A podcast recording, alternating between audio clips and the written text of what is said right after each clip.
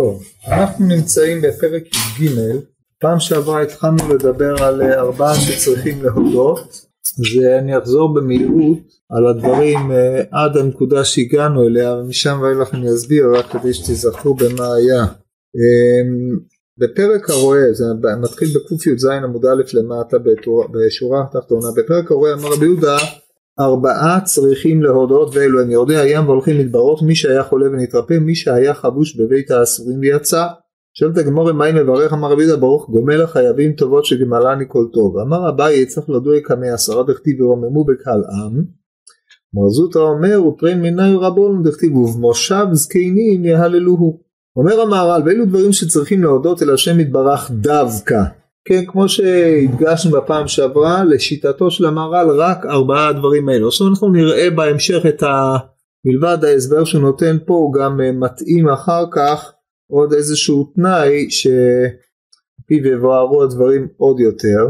אה, דווקא מפני שדברים שבאים על האדם הם ארבע, ארבעה. וזה כי האדם כאשר הוא במדבר הוא מוצא במדבר מה לאכול ולשתות ואין לו צרכיו ראוי שיגיע עליו המיטה מצד שהוא מושלל או משולל מכל דבר שצריך אל האדם. זה הבחינה הראשונה עדיין מבחינת המדבר אין לו שם אמצעי קיום זה הרי הנס של עם ישראל שנתקיים במדבר 40 שנה. לחילופין כאשר הוא יורד לים באים הגלים לשטוף אותו בכוח ואין דבר יותר גדול וחזק כמו הגלים שבאים על האדם בכוח לשטוף אותו. מאחר שהבאים הגלים לשטוף אותו, דהיינו לאבד את uh, קיומו, אז הוא נמצא בגלים במקום סכנה ממש, כאשר הוא צריך לחתור אל היבשה ולא יכול. התפיסה היא שהים הוא לא מקום הקיום של האדם. הים הוא מקום עיבודו של האדם, כן, אשר שמתי כל גבול הים, וכמו שהגלים אה, שטפו את אה, פרעה וענייניו. המקרה השלישי, אומנם, אה, הוא הוסיף, הדבר הזה שהוא הים אינו שלילה, רק בא לה בכוח, גדול, בכוח מבחוץ והוא הפך הראשון. זאת אומרת הראשון הוא נחשב שלילה, דהיינו חסר לאדם משהו שיקיים אותו, ואילו כאשר הוא נמצא במים לא זו בלבד שהחסר של הקיום הוא לא קיים אלא יש משהו שמתגבר על הקיום שלו כדי לשלול ממנו את קיומו. כן המהר"ל אה, צריך להציג מבחינה תבניתית את התפיסה של הניגודים. ופה אני אגיד עליה איזה משהו אחד, אולי לא הסברתי בפעם הקודמת, אבל האופן שבו חז"ל אה, תופסים את העולם היא אה, תפיסה ניגודית איכותית. הגמרא, אה, אה, לא, המדרש, הספרה, אה, מנגיד בין קצוות, למשל יש דברים שקיומם ביבשה ולא בים, יש דברים שקיומם בים ולא ביבשה, יש דברים שקיומם באש ולא באוויר, יש דברים שקיומם באוויר ולא באש, ולכן זה מופיע במדרש בויקרא רבא, ולכן אנחנו רואים תמיד ניגוד בין uh, קצוות שונות. האדם חי בעולם של ניגודים. זו תפיסה מהר"לית קלאסית. יש עולם של ניגודים, אתה נמצא באיזושהי נקודה באמצע, או שיש לך ניגודי ימין שמאל ואמצע, או שיש לך ניגודי ארבע קצוות ואמצעי, או ניגודי שש קצוות ואמצעי, כן, זה הרי דו-ממדי, תלת-ממדי, או אה, איך שתרצו שתיים והחוט השלישי המחבר ביניהם. לעולם אנחנו um, מעמידים, או לעולם האופן שבו מציבים דברים הוא הצבה קוטבית ניגודית והמיצוע שביניהם. חיים של האדם אם כן הם חיים שבו אין לו חסר ואין לו יתר, כל היתר כנטול דמי והחסר הזה מביא אותו לידי אה, אה, שלילה או גירעון ואילו התוספת עודף הכוח הבא עליו גם הוא מאדיר את אה, מציאותו של האדם. עכשיו נראה, כיוון שהצגנו את שני הניגודים האלה, שני הניגודים הבאים חייבים גם הם לפעול באותה מתכונת. שוב, אתם, אה, לא יהיה פה ניגוד לא לים ולא למדבר, מפני שאין ניגוד לים ולמדבר. המדבר הוא הניגוד של הים, הים הוא הניגוד של המדבר, כמו שאמרתי קודם, על הדברים שיש קיום ביבשה ולא בים, ים יבשה, אוויר אש, אש אוויר. אנחנו לא מנגידים אוויר, ליבש, אוויר לאש, אוויר לים, מים, ולא אוויר ל... אמ, לא במים, דהיינו יבשה. מה היחס ביניהם? לא הבנתי את השאלה. בכל, בכל, בכל מערכת שבה יש ניגודים, שש או ארבע או... צפון הוא ניגוד של דרום, הוא לא ניגוד של מזרח. ומה היחס בין הצפון למזרח? 90 מעלות, אורתוגונלי. מה זה מבטא? אני אומר שצריך לבטא. זה מבטא שהוא לא ביחס אליו. ימין הוא הניגוד של שמאל, קדימה או אחורה, מה היחס בין ימין לאחור? הם לא מתייחסים. מה היחס? אתה, אתה אה, מריח, אה, תואם ורואה, כן? נניח שאתה רואה, אה, אתה שומע, נניח שאתה שומע מוואל של אה, נר גאון, כן? לצורך העניין. הוא מושך, מגיע לסלסולים. עכשיו אחרי זה מעבירים לך את הדבר הזה באוסילוסקופ, אתה יודע מה זה? מישהו שיודע מה זה אוסילוסקופ? אוסילוסקופ זה מכשיר שמתרגם מתרגם פונקציות לתנועת סינוס, על, כמו שיש בבית חולים לחולים שאתה רואה את קצב הלב שלו, אז אתה יכול לעשות את זה גם במוזיקה. אתה יכול להפוך את הגלי מוזיקה לתנועות סינוסואידליות. אתה מסתכל בדבר הזה שאתה שומע לצורך העניין סימפוניה, ואתה שומע, אתה מסתכל, אתה רואה את הסימפוניה כולה ככה, אתה לא שומע כלום, מה אתה עושה? כלום, זה לא, זה לא מדבר אליך, נכון? מה היחס? יחס עצוב, כי קלקלו לך את זה, כי החוש הזה לא פועל פה. עכשיו הסגולה של חושי האדם שהם יודעים אה, להתחבר או ליצור תמונה שלמה מכל הממדים השונים. אבל אין, אין, מה זה... טוב, הלאה. אמ, עכשיו אנחנו עוברים לחולי והבית אה, האסורים. אמנם החולי מצד האדם עצמו שאינו חסר דבר כמו שהוא במדבר ואין דבר בא עליו מבחוץ כמו גל הים רק החולי הוא באדם עצמו שיש בו שינוי מזג והוא אמצעי בין הים ובין המדבר. הוא נמצא פה אלא שהשינוי הוא שינוי באדם עצמו. שינוי וסת תחילת חולי אומרת הגמרא.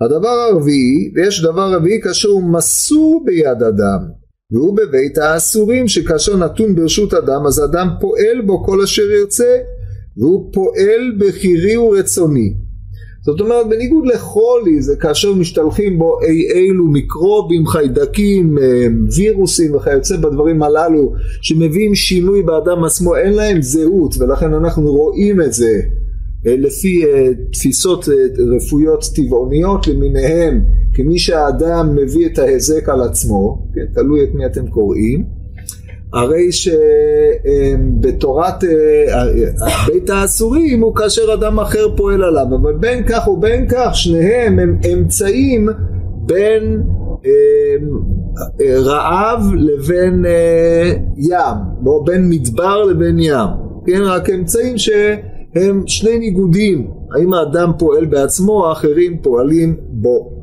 ומה שאמר, או עכשיו עד כאן הגענו ומכאן אה, נתחיל להסביר את זה, מה שאמר שצריך להודות בפני עשרה שניים מהם רבנן.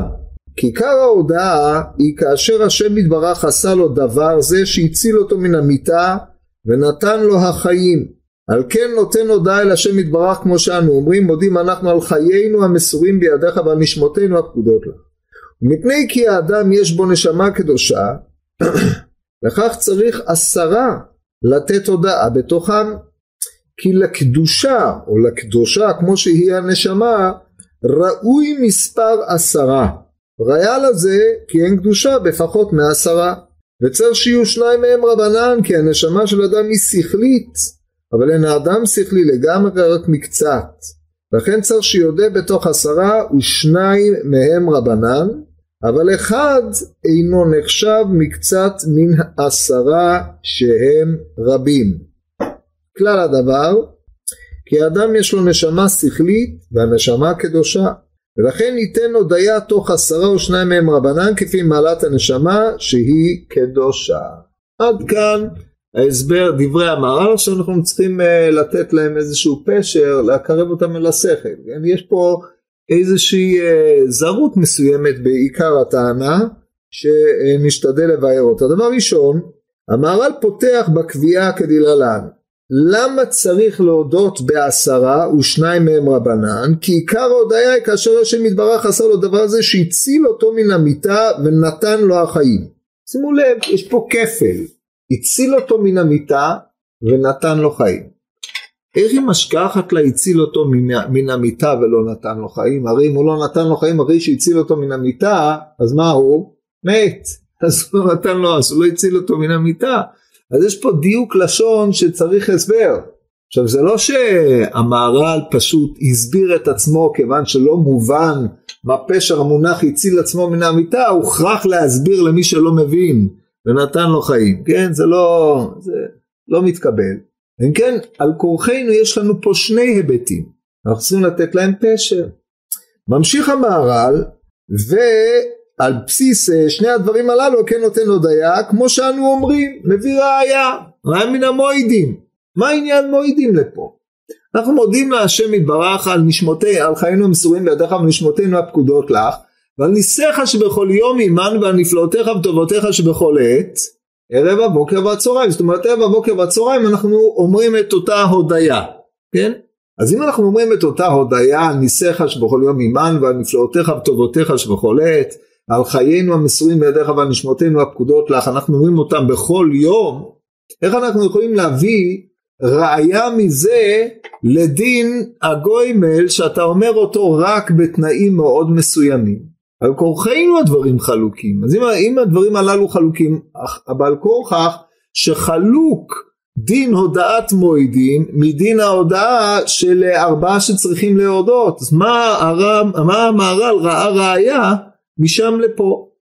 על כורחנו צריך לומר שבכל המטבע של הודעה נהי שההודיה היא על, על, הקשר, בהקשר אחר או על נסיבות אחרות אבל על מה אנחנו מודים? לא מפני מה באה אלינו בא, מה הנסיבות שהביאו אותנו להודות אלא ההודיה היא על מה מה התפעל בנו מה נעשה בנו שעליו אנחנו מודים. על זה אומר המהר"ל אין הבדל בין מה שאתה מודה במועדים לבין מה שאתה מודה בארבעה שצריכים להודות הנסיבות בארבעה שצריכים להודות אם אדם היה ירד בים או שאדם היה במדבר או שאדם היה בכלא או נפל למשכב אז אלה הסיבות שמביאות את האדם להודות אבל על מה הוא מודה? על, נס, על, על, נשמות, על חיינו המסורים בידיך ועל נשמותינו הפקודות לך שבכל יום אתה מקיים אותנו נשמותינו הפקודות בחיינו המסורים ובמקרה דנן של הארבע שצריכים להודות שהיה סכנה בדבר או הם נמצאו במצב שהיו צריכים הצלה להציל אותם מן המיצר שבאמת אה, איים לאבד אותם. אז הוא, יהיה, הוא איבד, שנייה, הוא איים לאבד, ההצלה היא גם לחיים וגם לנשמה המסורה.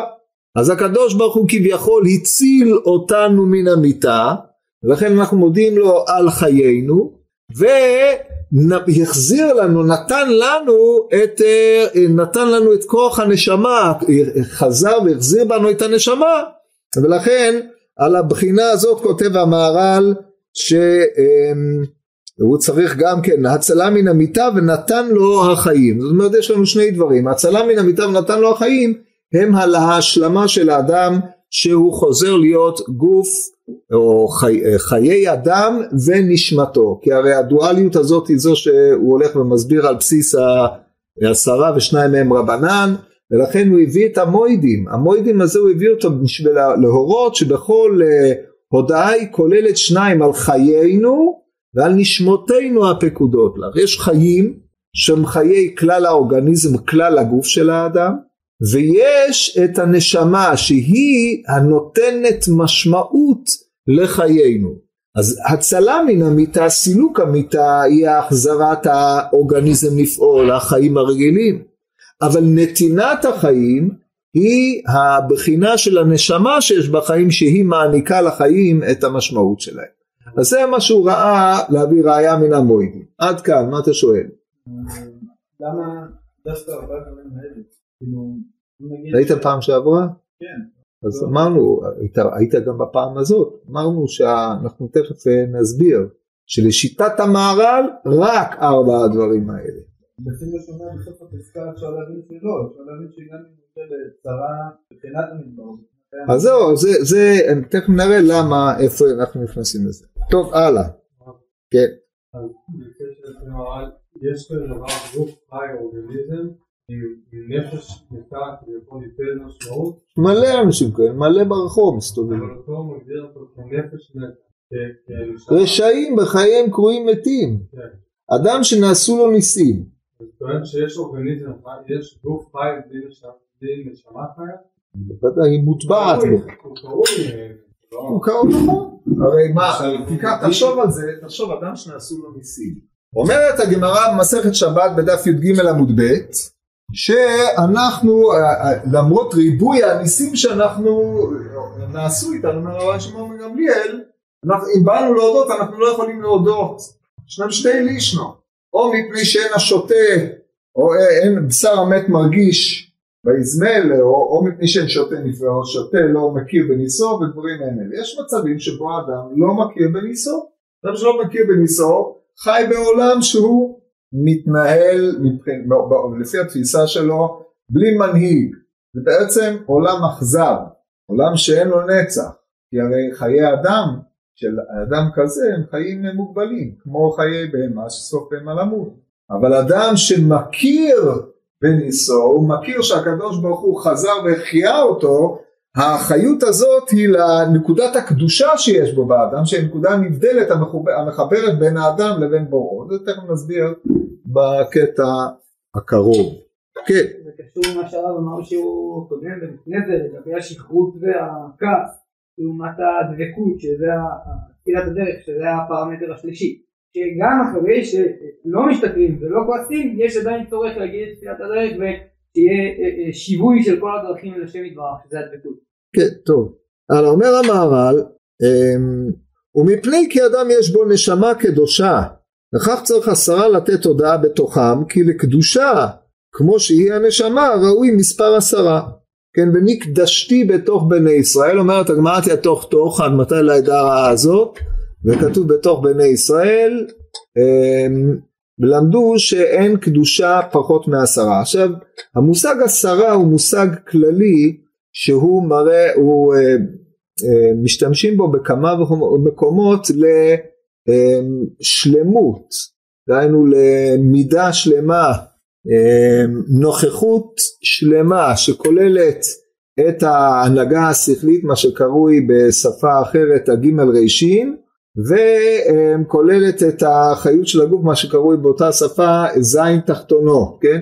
יש לנו את המוחין שזה ההנהגה העליונה ויש לנו את החיים שהם הם, קוראים אה, זין תחתונות, חגת נעים וההבחנה הזאת שהיא הבחנה שמופיעה בכתבי המקובלים שהמהר"ל הכיר אותם והשתמש בהם בהבלעה באופנים אלו ואחרים רמוזים גם בהקשר זה אלא שפה אנחנו מגיעים לאיזושהי דקות מפני שהחלוקה היא לא 7-3 אלא החלוקה היא 2-8 שהיא זוקקת uh, קצת יותר הסברה כן? 8 ו-2 מהם רבנן על פניו זה או 1-9 או 3-7 אבל 2-8 זאת חלוקה שהיא איננה החלוקה הפשוטה בדרך כלל היא לא מצויה. יש מודלים שאפשר גם uh, ליישם אותם אבל uh, זה פחות שכיח והשאלה היא למה הוא נזקק למודל כזה. אם אתה מדבר על uh, קדושה אז הרי ידוע שהיוד היא קדושה כן? והיא מפעילה את כל שאר המידות שתחתיה. אבל אז יש לך אחד שהוא קדוש נבדל כמו האחד וההתפרטות שלו היא מתפרטת לעשר לחילופין יש לך חילוק של גוף ראש לגוף. ראש לגוף זה החלוקה הטבעית ג' ראשין דהיינו חוכמה בינה דעת או כתר חוכמה בינה תלוי את, uh, באיזה אופן אתה סופר את העניינים הללו. לאחר מכן יש לך את המבנה של הגוף שני uh, זרועות שתי, שתי רגליים גוף ויסוד וכללות הגוף שזה uh, מגיע לחילוק, לשבע. אבל האופן שבו הוא תיאר את זה הוא לכאורה מפליא. למה? זו שאלה שצריך לשאול מותר לשאול גם אם אנחנו לא יודעים לענות מצווה לשאול אפילו אנחנו גם יודעים לשאול. בסדר, עכשיו נלמד אתכם לשאול. טוב, אז עכשיו שימו לב מה עושה עם זה המהר"ל. מפני כי, אדם יש בו נשמה קדושה לכך צריך עשרה, זה ההנחה הראשונה לתת הודעה בתוכם. כי לקדושה כמו שהיא הנשמה ראוי מספר עשרה. מה הקשר בכלל בין הנשמה שראוי לה מספר עשרה לבין מניין האנשים שאתה מודה בתוכם. אם אתה רוצה לומר שההודיה היא זוקקת פרהסיה ואין פרהסיה פחות מעשרה ומכיוון שהקדוש ברוך הוא עשה לו נס לאדם הוא צריך לפרסם את ניסו כמו שהרי קורבן תודה שארבעה אלה חייבים לעשות הרי ידוע מה שקורבן תודה אה, אנחנו אומרים בחצרות בית השם בתוכי ירושלים כן ואשיב להשם כל תגמולי עלי כוס ישועות עשיו שנדרי להשם השלם נגדנה לכל עמו מדובר שם בהודיה. ולכן אמרו חכמים מופיע בשפת אמת על התורה והנציב גם מקביל לו שקורבן תודה זוקק לחמים אתה מביא ארבעים לחמים ארבעה אתה נותן לכהן ואתה צריך לאכול את הלחמים הללו ויש לך עוד את כל הבשר וצמצמו לך את הזמן ליום ולילה עד חצות איך אתה סוגר את הסיפור הזה? איך שהמשפחה, עשרה ילדים, אתה מביא את כל המשפחה, אתה מביא עוד עשרה לחמים, כל לחם זה, שם חלקם מצות וכולי, בשר, מה, איך אתה מתגבר על התיק הזה? אתה חייב להזמין אנשים. אתה מזמין אנשים, עושה סעודה, שואלים אותך למה אתה מזמין? הוא אומר, או, אתם תשבו בסעודה, ואז הוא דורש על הנס, והנס מתפרסם. זה הפרסום, עשרה זה פרסום. המהר"ל לא הלך לדרך הזאת, שהיא הדרך הטבעית. זו שאלה נכונה. זה, זה מה שאני רוצה שתלמד לשאול, כן? אתה קורא דבר כזה, אתה שואל את עצמך, מה, מה לך לנשמה קדושה פה? הרי גם בלי שנעשה לו נס יש בו נשמה קדושה. לא בגלל שהוא מהלך כל יום אומר מוידים, הוא אומר מוידים בעשרה, בסדר גמור, כי הוא מתפלל במניין, אבל אם הוא לא היה מתפלל במניין הוא גם היה אומר מוידים, זה לא טליה זה בזה. מה, מה קרה כאן שהוא נזקק למודל הזה של הקדושה ולא נזקק לפרסום? אז עכשיו אפשר לומר כי המהר"ל רצה להסביר למה טרי מנהל דה רבנן, שדרך אגב זה לא מעכב להלכה, כמו שאתם יודעים, כל הגויים שאומרים אה, על התורה אף אחד לא בודק אם יש שם טרי דה רבנן, אומרים וזהו, כן? אז uh, מה העילה לדבר הזה? אומר המהר"ל, יש, ועכשיו על כורחנו לפי זה, שברכת הגומל היא איננה רק הודיה, ברכת הגומל היא ההכרה שהקדוש ברוך הוא חזר ונתן פה נשמה קדושה. הקדוש ברוך הוא השפיע מקדושתו בנתינת הנשמה. תן לי לגמור רק להרצות את הרעיון שתבינו. הנכחת הנשמה זה הנכחת חלק אלוה ממעל בגופו של האדם זה גילוי של קדושה גילוי של קדושה צריך שיעשה בעשר לכן כאשר אדם מביע את תודתו להשם יתברך התודעה הזאת מבטאת שני צדדים. א' פרסום הנס שנעשה לבחינת החיים שבאדם שזה הבחינה הבסיסית ולכן באמת שניים מדרבנון לא מעכב דרבנן שני תלמידי חכמים זה לא מעכב, אבל הבחינה השנייה שהיא הבחינה שאותה רוצה להביא המהר"ל פה בהבנת ברכת הגומל שהיא הבחינה יותר פנימית עליונה היא העובדה שהקדוש ברוך הוא נתן לו חיים מלבד העובדה שהוא הציל אותו מן המיטה. בחינת ההצלה מן המיטה זה בחינת הנס שעליו צריך לפרסם. בחינת נתינת החיים היא הבחינה הזוקקת את המעלה של הקדושה, מעלת הקדושה בגילויה זוקקת עשרה. כן.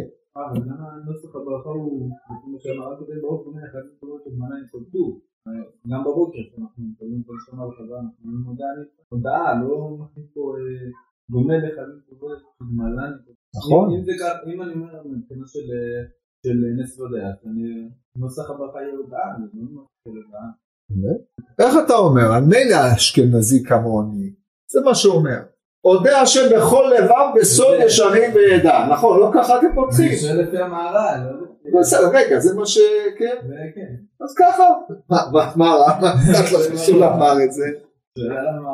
כן, אני זה גם כן. מה אתה אומר? ברוך אתה השם, כן. אתה אומר לחייבים טובו. מודה אני לפניך שהחזרת בנשמתי, אתה מזכיר שאתה חייב? לא, נכון? רבה אמונתך. בטור, מפקיד את הנשמה, מקבל את החזרה. ואתה אומר גומל לחייו, במה הוא היה חייב? כי עצם העובדה שהוא נכנס למצב כמו שהוא נכנס בו, יצא מהמסגרת הטבעית של חייו, עבר איזה שינוי ונכנס לחזקת מיתה, אז הוא, היצ...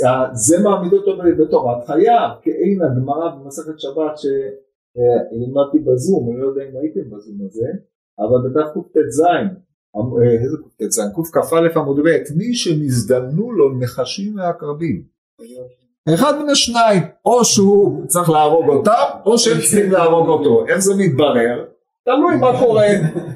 טוב, אם הם הרגו אותו זה לא מעניין, אם הוא הרג אותם זה טריוויאלי. אלא אם הוא לא הרג אותם והם לא הרגו אותם, נשארו באיזה סימביוזה כזאת, כל אחד, אז הוא יודע שהם היו צריכים, אז הוא בגדר חייו, כן? בוודאי ובוודאי כאשר הוא נמצא במצב שהוא בחזקת שצריך למות וניצול אז הוא בגדר חייב. אז זה כבר גנוז בלשון חייבים. אבל אומר המהר"ל וזה מה שהסברתי קודם את הצד הפשוט של הברוכה או את היחיטימצה של הודיה ברבים את זה הוא לא בא להסביר. זה פשיטה. זה עונה על השאלה ששאלתי קודם.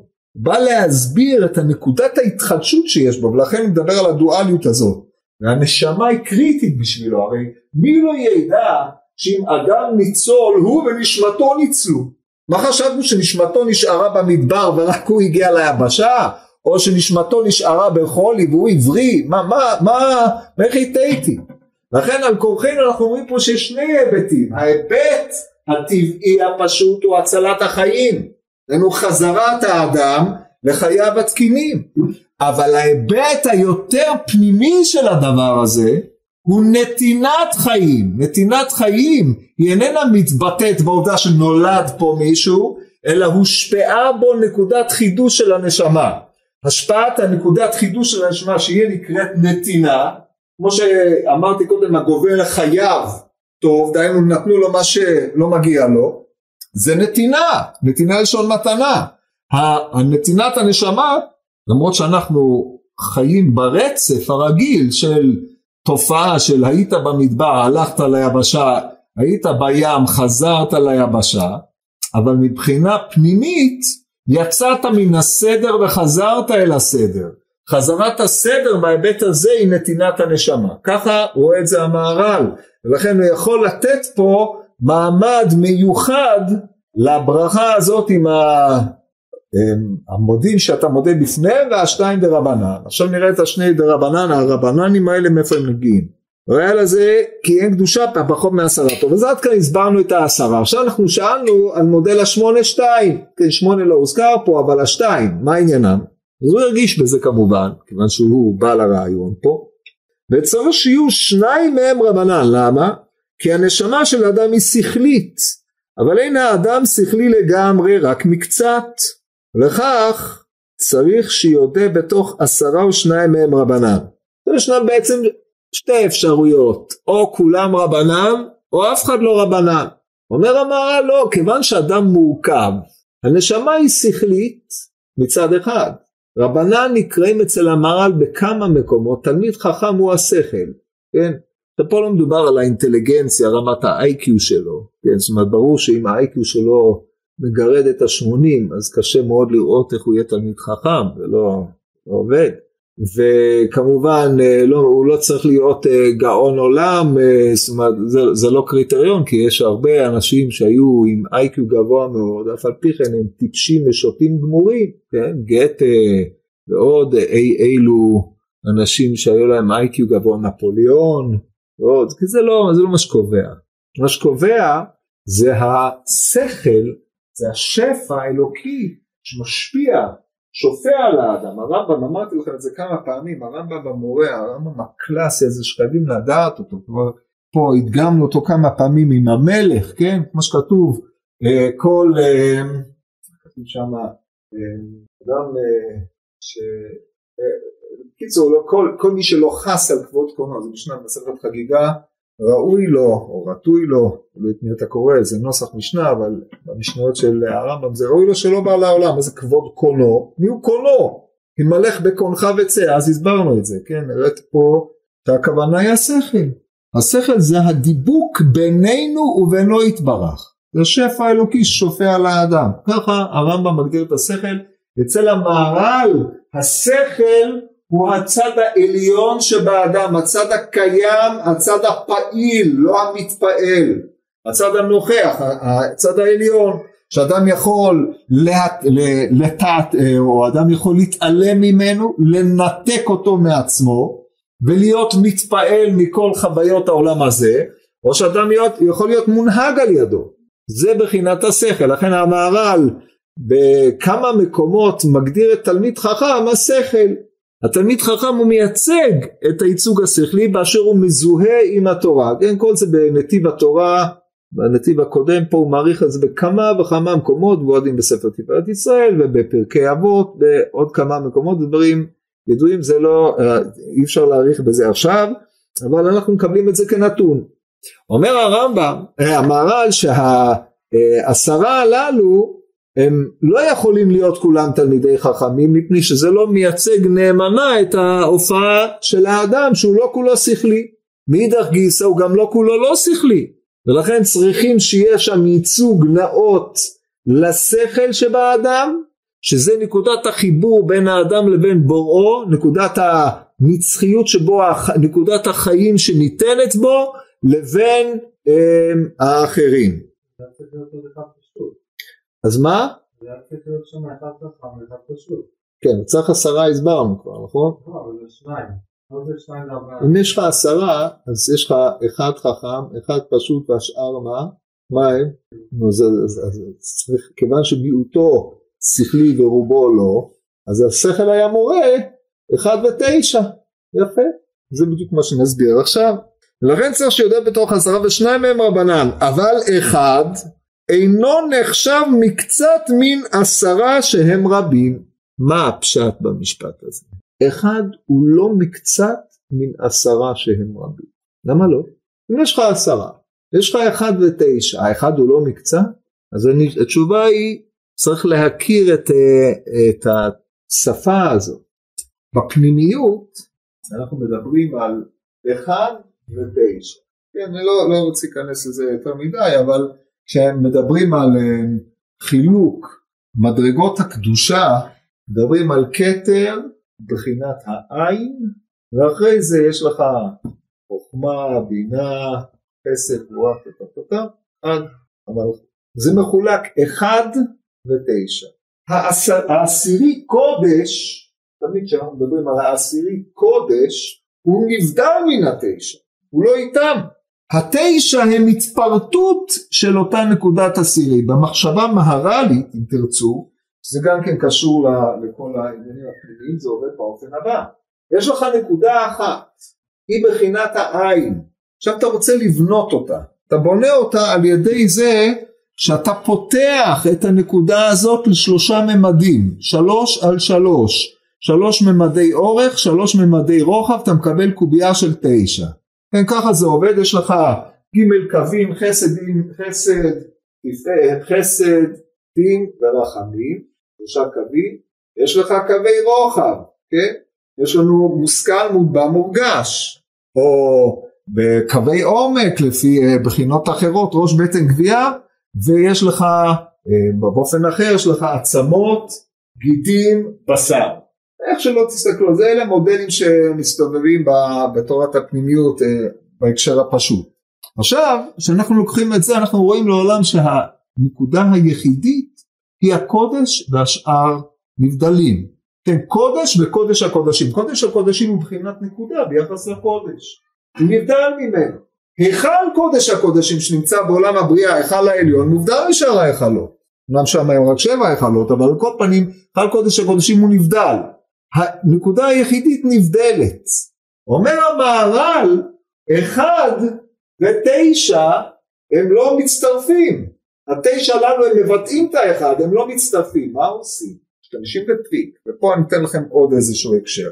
ידוע, או לא ידוע, לא משנה, האדם הכוחות הפנימיים הנוכחים בו נקראים נרן, נפש, רוח ונשמה.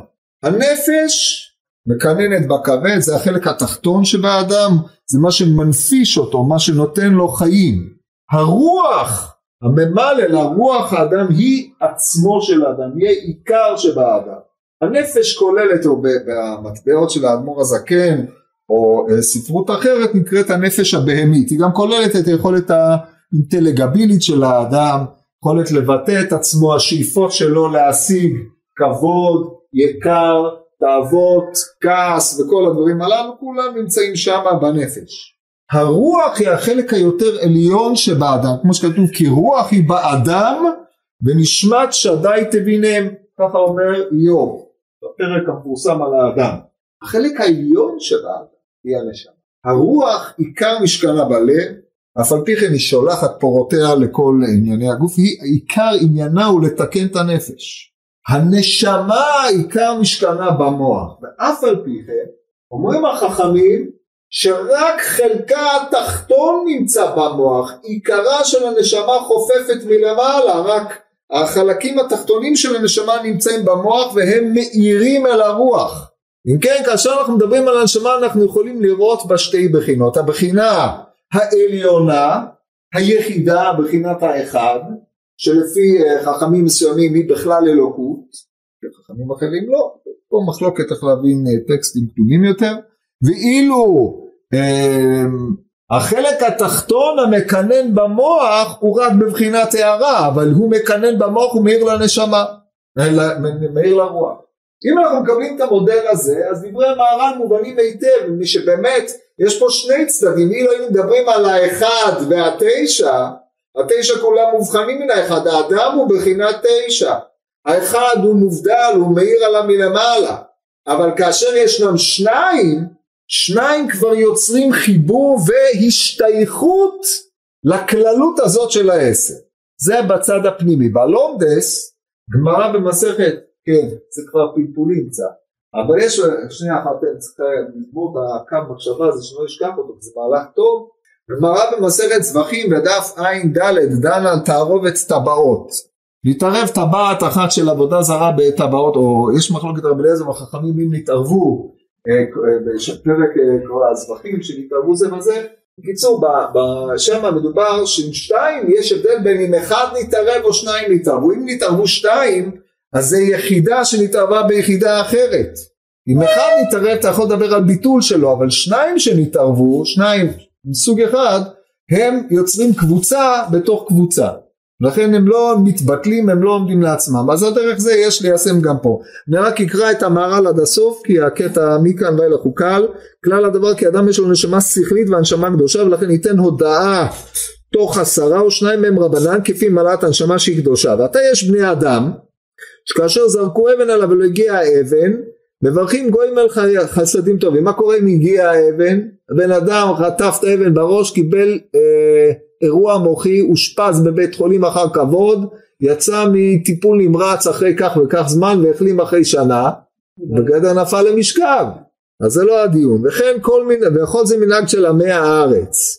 כי אף אם רדפו אחריו בחרם ונמלט, ירו עליו מערב של מחבלים, תפרו לו את כל המכונית וכדור אחד עבר מימינו עבר משמאלו והוא נמלט.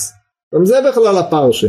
כן, אין זה מן הארבעה שצריכים להודות, ולכך אמר מניינה, לומר שלא יברך כי אם על ארבעה דברים, מה העניין ארבע וזה?